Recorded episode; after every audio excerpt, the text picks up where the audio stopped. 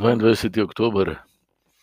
Sveti Pavel pravi danes, da hoteti nam reči o moji moči, da bi dobro tudi izvrševal, pa ni.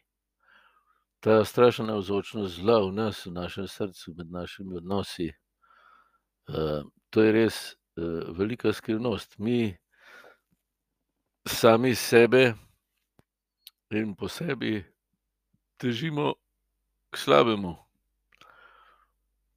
Neštetokrat nas naši dobri nameni vodijo v slaba dejanja. Recimo, želimo si ljubezni, ker je nekaj najlepšega pa najboljšega, pa v imenu te ljubezni pa vsak dan uničujemo družine, zapuščamo otroke in tako naprej, se prepiramo. Želimo si pravičnosti, srce hrepeni, to je čudovito. V imenu pravičnosti pa neštetokrat povzročamo hujše krivice, kot so tiste, pri katerih smo se hoteli boriti. To je tudi današnja situacija pa revolucija pa vse. Vsak dan nam o tem govori tudi. Samo novice odpremo, Dnevnik in tako naprej. Tudi želja po popolnosti je nekaj čudovitega. Pa tako hitro zraven pride ta domišljavost, da lahko to sam uresničim, da sem boljši, da nisem kakor drugi in, se že vse dobro, ki sem ga hotel narediti, pokvari, tudi v mojem srcu.